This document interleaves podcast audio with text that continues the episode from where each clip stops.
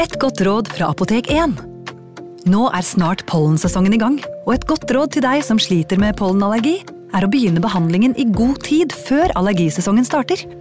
Da får du nemlig enda bedre effekt av legemidlene, og så blir ikke våren din helt ødelagt. Kom innom og få råd på ditt nærmeste Apotek 1, eller chat med oss på apotek1.no. Apotek 1 vår kunnskap, din trygghet.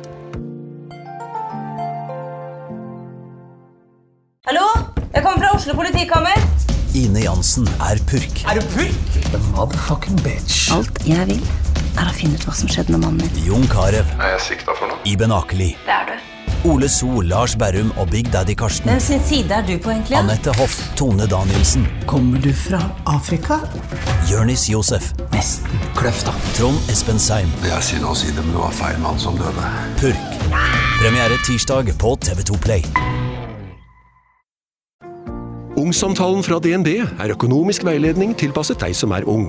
Bokk en ungsamtale på dnb.no. slash ung. Det er kjempebra hvis du skal inn på boligmarkedet, hvis det er drømmen din, liksom. Det er det du skulle sagt. Og så kunne du ropt litt mer, da, sånn som jeg gjorde. Bam! Advarsel. Historiene vi forteller i denne podkasten kan være fiktive og avvike fra den opprinnelige historien av dramaturgiske årsaker. Meninger og påstander i historiene reflekterer nødvendigvis ikke programledernes meninger eller virkeligheten.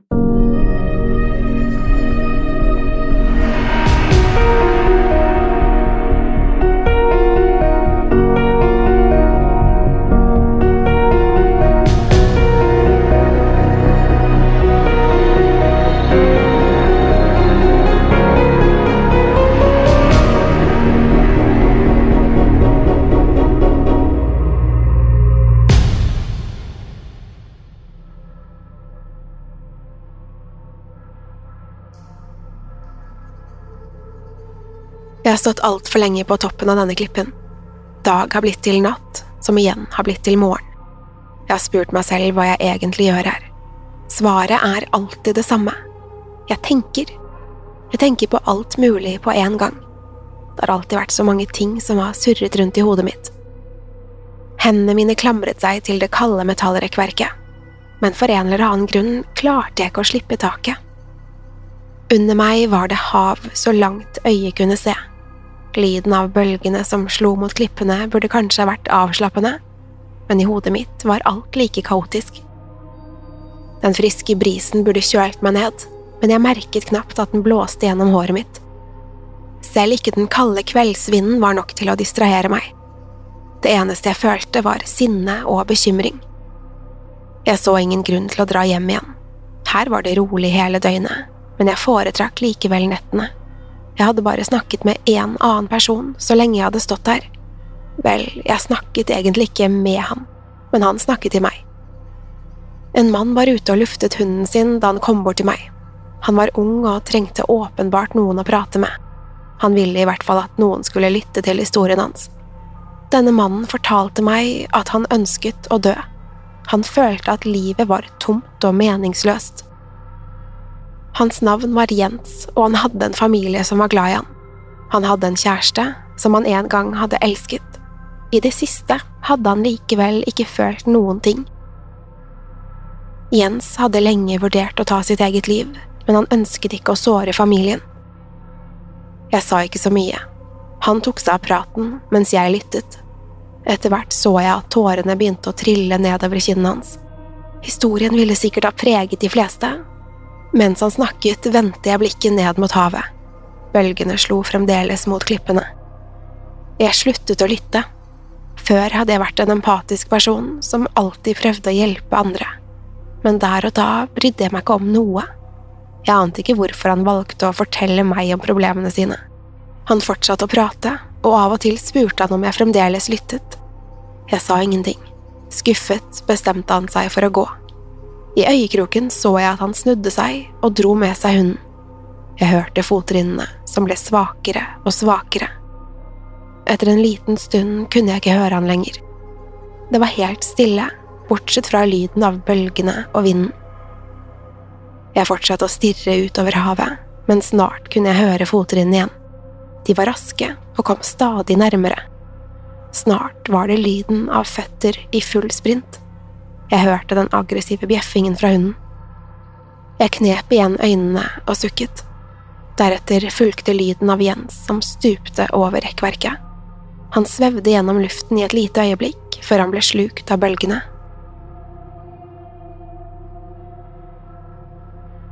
Det nærmet seg slutten av september. De siste bladene var nå i ferd med å falle ned fra trærne. De ble fanget av vinden og fester seg til kåpen min. Noen av dem dalte ned mot havet. Det lå stille ved foten av klippen. Det hadde gått flere timer siden jeg så Jens. Kanskje prøvde han å gi meg dårlig samvittighet. Han kom sannsynligvis hit for å ta sitt eget liv, men han hadde nok ikke forventet å møte noen her oppe. Kanskje han bare trengte noen å snakke med. Kanskje jeg kunne fortalt han at det fremdeles var mye å leve for. Jeg følte likevel ingen skyldfølelse. På himmelen så jeg et tett lag av grå skyer. Det ble stadig mørkere, og vinden holdt på å stilne. Snart kom det til å begynne å regne. Jeg snudde meg og bestemte meg for å søke ly under et av de store trærne. Himmelen åpnet seg idet jeg satte meg under en av de massive greinene. Jeg ble sittende og lyttet til regndråpene som trommet mot treet. Lyden var nesten hypnotisk. Jeg lukket øynene og følte meg nesten avslappet. Jeg ble revet tilbake til virkeligheten da jeg hørte lyden av en bil. Den kom stadig nærmere før den stanset nær rekkverket. Ut av bilen kom en kvinne som snakket i telefonen. Jeg åpnet øynene igjen. Det første jeg så, var blålyset fra en politibil. En politikvinne forlot bilen, og det så ut som hun lette etter noe. Jeg ble sittende under treet og fulgte med på det som skjedde. Politikvinnen gikk langs rekkverket ved kanten av stupet. Det virket ikke som hun hadde lagt merke til meg, i hvert fall ikke foreløpig. Politikvinnen fortsatte å inspisere rekkverket. Hun kikket ned mot havet ved bunnen av klippen. Hun lente seg mot rekkverket på samme måte som jeg hadde gjort. Så snudde hun seg og la merke til at jeg stirret på henne.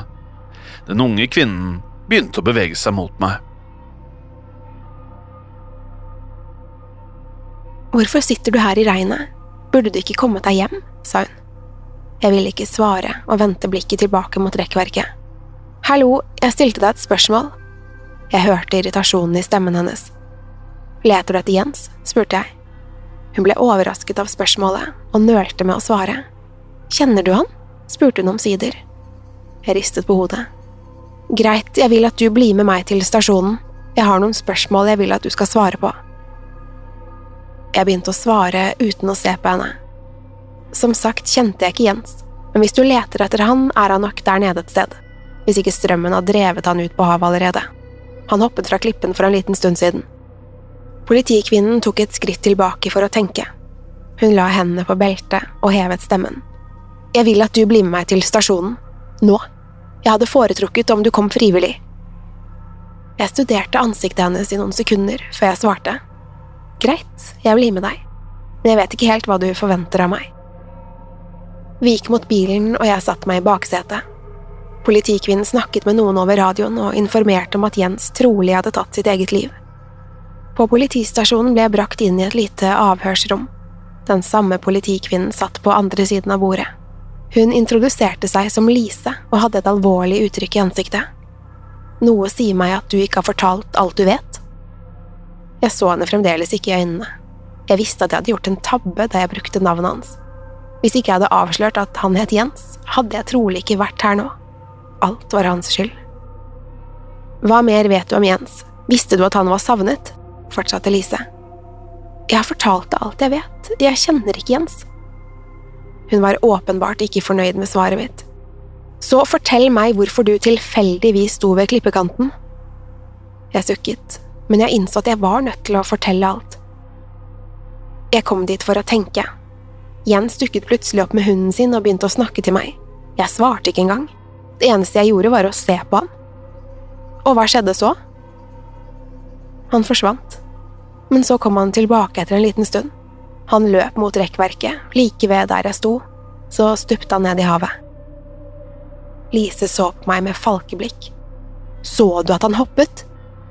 Nei, øynene mine var lukket, det eneste jeg hørte var fottrinn og lyden av noe som for over rekkverket. Og du tenker ikke at det er noe du burde fortelle til politiet? Hun var tydelig frustrert. Som sagt, jeg så ingenting. Jeg tenkte heller ikke klart. Lise skrev ned alt jeg sa i en notatbok. Hun konsentrerte seg mens hun bladde gjennom sidene. Jeg skjønte at hun var mistenksom, men hun kunne ikke tvinge meg til å bli. Det var ingen tegn til at det hadde skjedd noe kriminelt. Jeg fikk gå så snart jeg hadde gitt henne kontaktinformasjonen min. Motvillig begynte jeg å skrive ned navnet og telefonnummeret mitt. Jeg innså at jeg ikke hadde med meg mobiltelefonen, så det var uansett ikke mulig å få tak i meg. Da jeg var ferdig, ga jeg arket til Lise og reiste meg. Hun reiste seg også og fulgte meg til døren. Jeg sa ingenting idet jeg gikk ut av rommet. Hun fulgte meg helt til utgangen, hvor hun ga meg kontaktskjemaet til resepsjonisten. Det føltes som hun ønsket å gjøre meg nervøs. Hun snudde seg mot meg og ga meg en siste advarsel.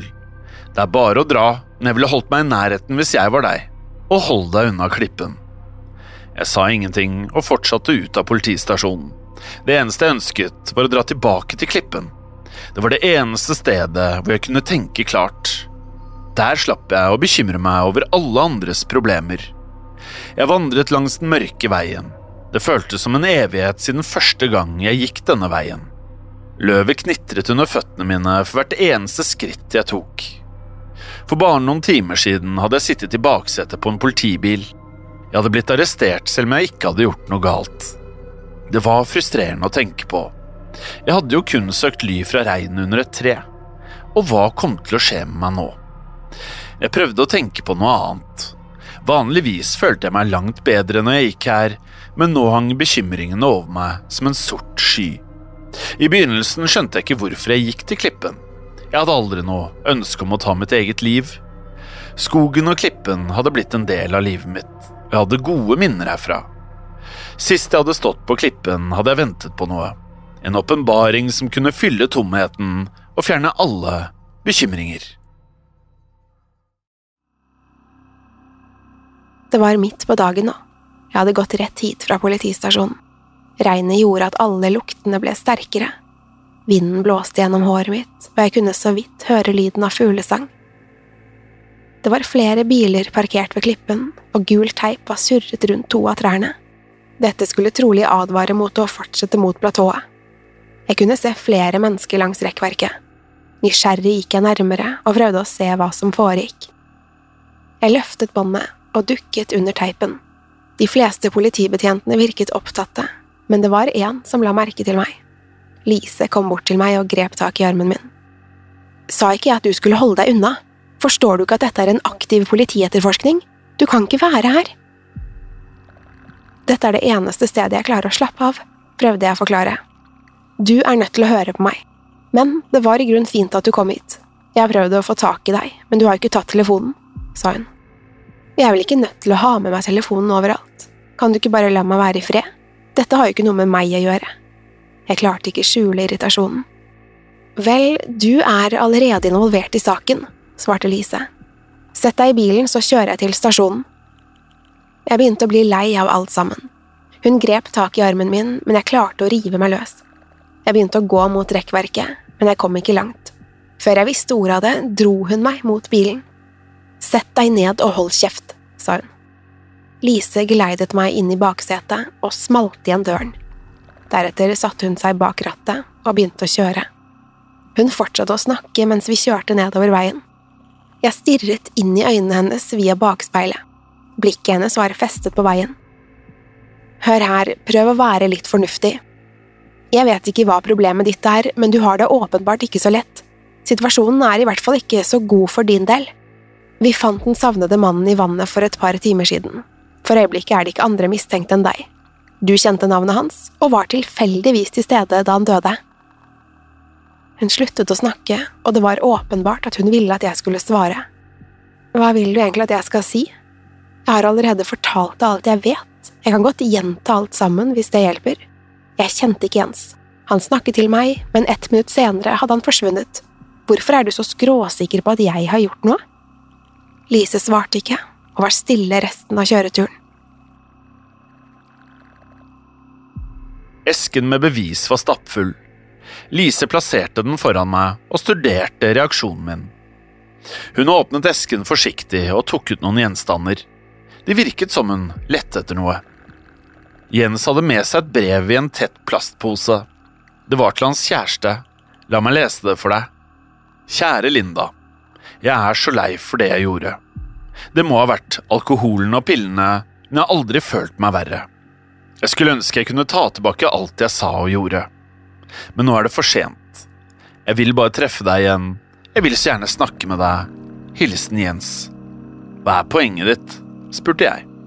Vi finner dette brevet fra Jens til en kvinne ved navn Linda, som er det samme navnet som du skrev på kontaktskjemaet. Og tilfeldigvis var du til stede da han døde. Litt av et sammentreff, eller hva, Linda? Jeg tok en liten pause før jeg begynte å svare. Hva er det du antyder? At han kastet seg fra klippen på grunn av meg? Jeg antyder ingenting, svarte Lise. Jeg vil bare at du skal fortelle meg hvordan du kjenner Jens. Jeg kjenner han ikke, jeg møtte han rett før han hoppet fra klippen. Nå begynte jeg å bli frustrert. Greit, la meg vise deg neste gjenstand, sa Lise. Det her er et bilde av Jens sammen med en person som ligner veldig på deg. Vi fant det sammen med brevet. Jeg plukket opp bildet og studerte det nærmere. Jeg fikk umiddelbart følelsen av at jeg hadde sett det før. Det var et av minnene jeg hadde forsøkt å hente frem mens jeg sto på klippen. Det var et godt minne som kunne ta knekken på både sinne og frustrasjon. Jeg hadde prøvd å huske det øyeblikket, men frem til nå trodde jeg at minnet var tapt. Plutselig husket jeg alt. Bildet var fra første gangen jeg tok med Jens til Klippen. Jeg ville vise han utsikten og fortelle hvorfor stedet var så viktig for meg. Lise så på meg. Hva er det du prøver å skjule, Linda? Jeg sukket og begynte å prate. Jeg har kun fortalt sannheten. Mannen som hoppet fra klippen, var ikke den Jens jeg kjente. Min Jens ville aldri gjort noe sånt. Han hadde blitt til et helt annet menneske som jeg ikke kjente lenger. Lise hevet blikket fra notatblokken. Hun skulle til å stille flere spørsmål, men jeg avbrøt henne før hun rakk å si noe. Jeg vil gjerne spørre deg om noe hvis det går greit. Lise nikket. Hvor mange lik fant dere egentlig ved bunnen av klippen? Jeg merket at hun ble overrasket av spørsmålet. Vi fant bare ett. Prøver du å si at det er flere? Hun stirret på meg i flere sekunder før jeg nikket forsiktig. Lise noterte noe i boken sin, reiste seg og gikk mot døren. Før hun gikk ut av rommet, snudde hun seg mot meg. Du blir her. Jeg satt der uten å foretrekke en mine. Pass på at hun ikke kommer seg ut, hørte jeg Lise si til vakten i gangen. Hun løp videre for å informere kollegene om at de måtte fortsette å søke i vannet. Mens hun snakket, reiste resepsjonisten seg for å si noe. Han hadde bare jobbet der i to uker og prøvde nervøst å få Lises oppmerksomhet. Resepsjonisten ventet til hun var ferdig med å snakke, før han pirket henne på skulderen. Hva er det? spurte hun, lettere irritert. Han nølte og innså at han ikke hadde valgt det beste tidspunktet å forstyrre henne på. Han følte likevel at han var nødt til å dele det han hadde funnet. I går ba du meg arkivere dette kontaktskjemaet, begynte han. Lise ga meg et utålmodig blikk. Vel, det er bare det at du ga meg et tomt skjema, og jeg vet ikke helt hva du vil at jeg skal gjøre med det. Jeg ville likevel ikke kaste det før jeg hørte med deg. Du har jo fylt inn din informasjon, forklarte resepsjonisten. Lise virket forundret og rev skjemaet ut av hendene hans. Hun studerte det blanke dokumentet. Lise snudde seg og løp tilbake til avhørsrommet. Vaktene sto fremdeles i gangen. Hun rev opp døren og kikket inn i rommet. På bordet sto esken med bevis, men bortsett fra det var rommet helt tomt. Hvor er jenta? skrek hun til en av vaktene. Hvilken jente? spurte vakten. Han så forvirret ut, og det samme gjorde Lise. Du har vært alene i det rommet hele tiden, prøvde han å forklare. Er du sikker på at du føler deg bra? Nei, jeg tror ikke det, men jeg tror jeg vet hvem vi kommer til å finne ved foten av klippen. En mann kom bort til meg tidligere den kvelden. Det var en ung mann som gikk tur med hunden sin. Det var åpenbart at han hadde behov for å snakke med noen. Han ville i hvert fall at noen skulle lytte til historien hans. Denne mannen fortalte meg nemlig at han ønsket å dø. Han følte at livet var tomt og også meningsløst. Hans navn var Jens, og han hadde en familie som var glad i han. Han hadde en kjæreste som han en gang hadde elsket. I det siste hadde han likevel ikke følt noen ting. Jens hadde lenge vurdert å ta sitt eget liv, men han ønsket ikke å såre familien. Jeg sa ikke så mye. Han tok seg av praten mens jeg lyttet. Etter hvert så jeg at tårene begynte å trille nedover kinnene hans. Historien ville sikkert ha preget de aller fleste, men ikke meg. Mens han snakket, vendte jeg blikket ned mot havet. Bølgene slo fremdeles mot klippene. Det var ikke meningen å drepe deg, sa han. Det var et uhell. Jeg er sikker på at det var alkoholen og pillene. Du vet jo at jeg alltid har elsket deg. Jeg vet ikke hva som skjedde, men jeg vet at jeg trenger hjelp. Jeg sluttet å lytte.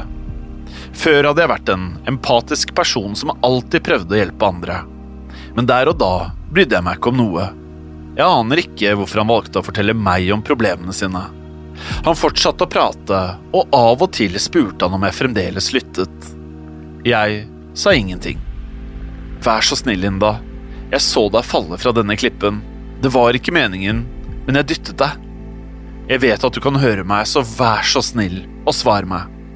Han fortsatte å trygle før han omsider ga seg. Skuffet bestemte han seg for å gå. I øyekroken kunne jeg se at han snudde seg og dro med seg hunden.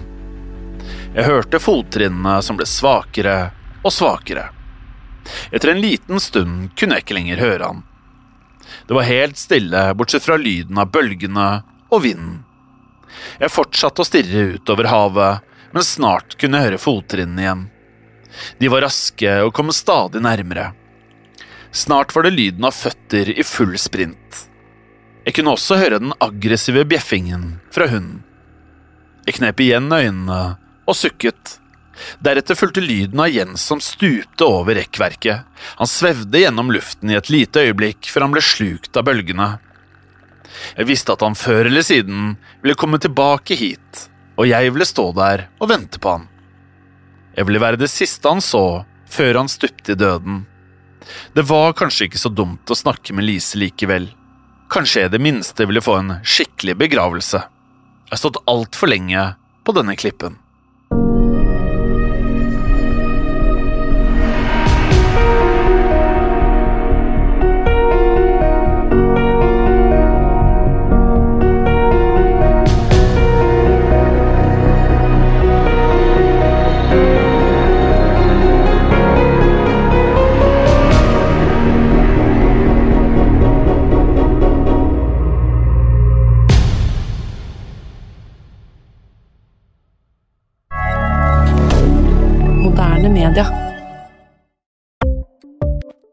Ukens annonsør er Folio, en smartere banktjeneste for deg som har en egen bedrift eller ønsker å starte for deg selv.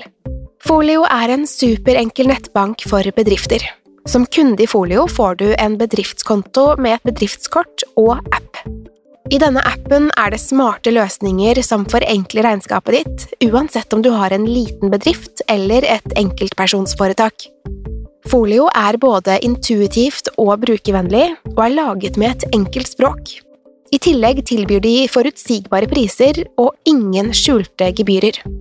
Skulle du likevel trenge det, så kan du snakke med deres raske og hyggelige kundeservice, og der får du prate med en faktisk person og ikke en chatbot. Folio er med andre ord både enklere og koseligere enn banken. Over 10 000 bedrifter har allerede valgt Folio som sin banktjeneste, så besøk folio.no og se hvordan Folio kan forenkle din hverdag også. Har du et enkeltpersonforetak eller en liten bedrift? Da er du sikkert lei av å høre meg snakke om hvor enkelt det er med kvitteringer og bilag i fiken, så vi eh, gir oss her, vi. Fordi vi liker enkelt. Fiken superenkelt regnskap. Kiwi er billigst i VGs matbørs og har vært billigst i fire av de fem siste VGs matbørser. Og nå presser vi prisene på frukt og grønnsaker. På 200 gram broccolini setter vi prisen til 24,90. På 400 gram Cevita blåbær setter vi prisen til 49,90. Og husk, alle Kiwi Pluss-kunder får i tillegg 15% trumfbonus på all fersk frukt og grønt. For det er vi som er prispresserne. Og vi i Kiwi gir oss aldri på pris.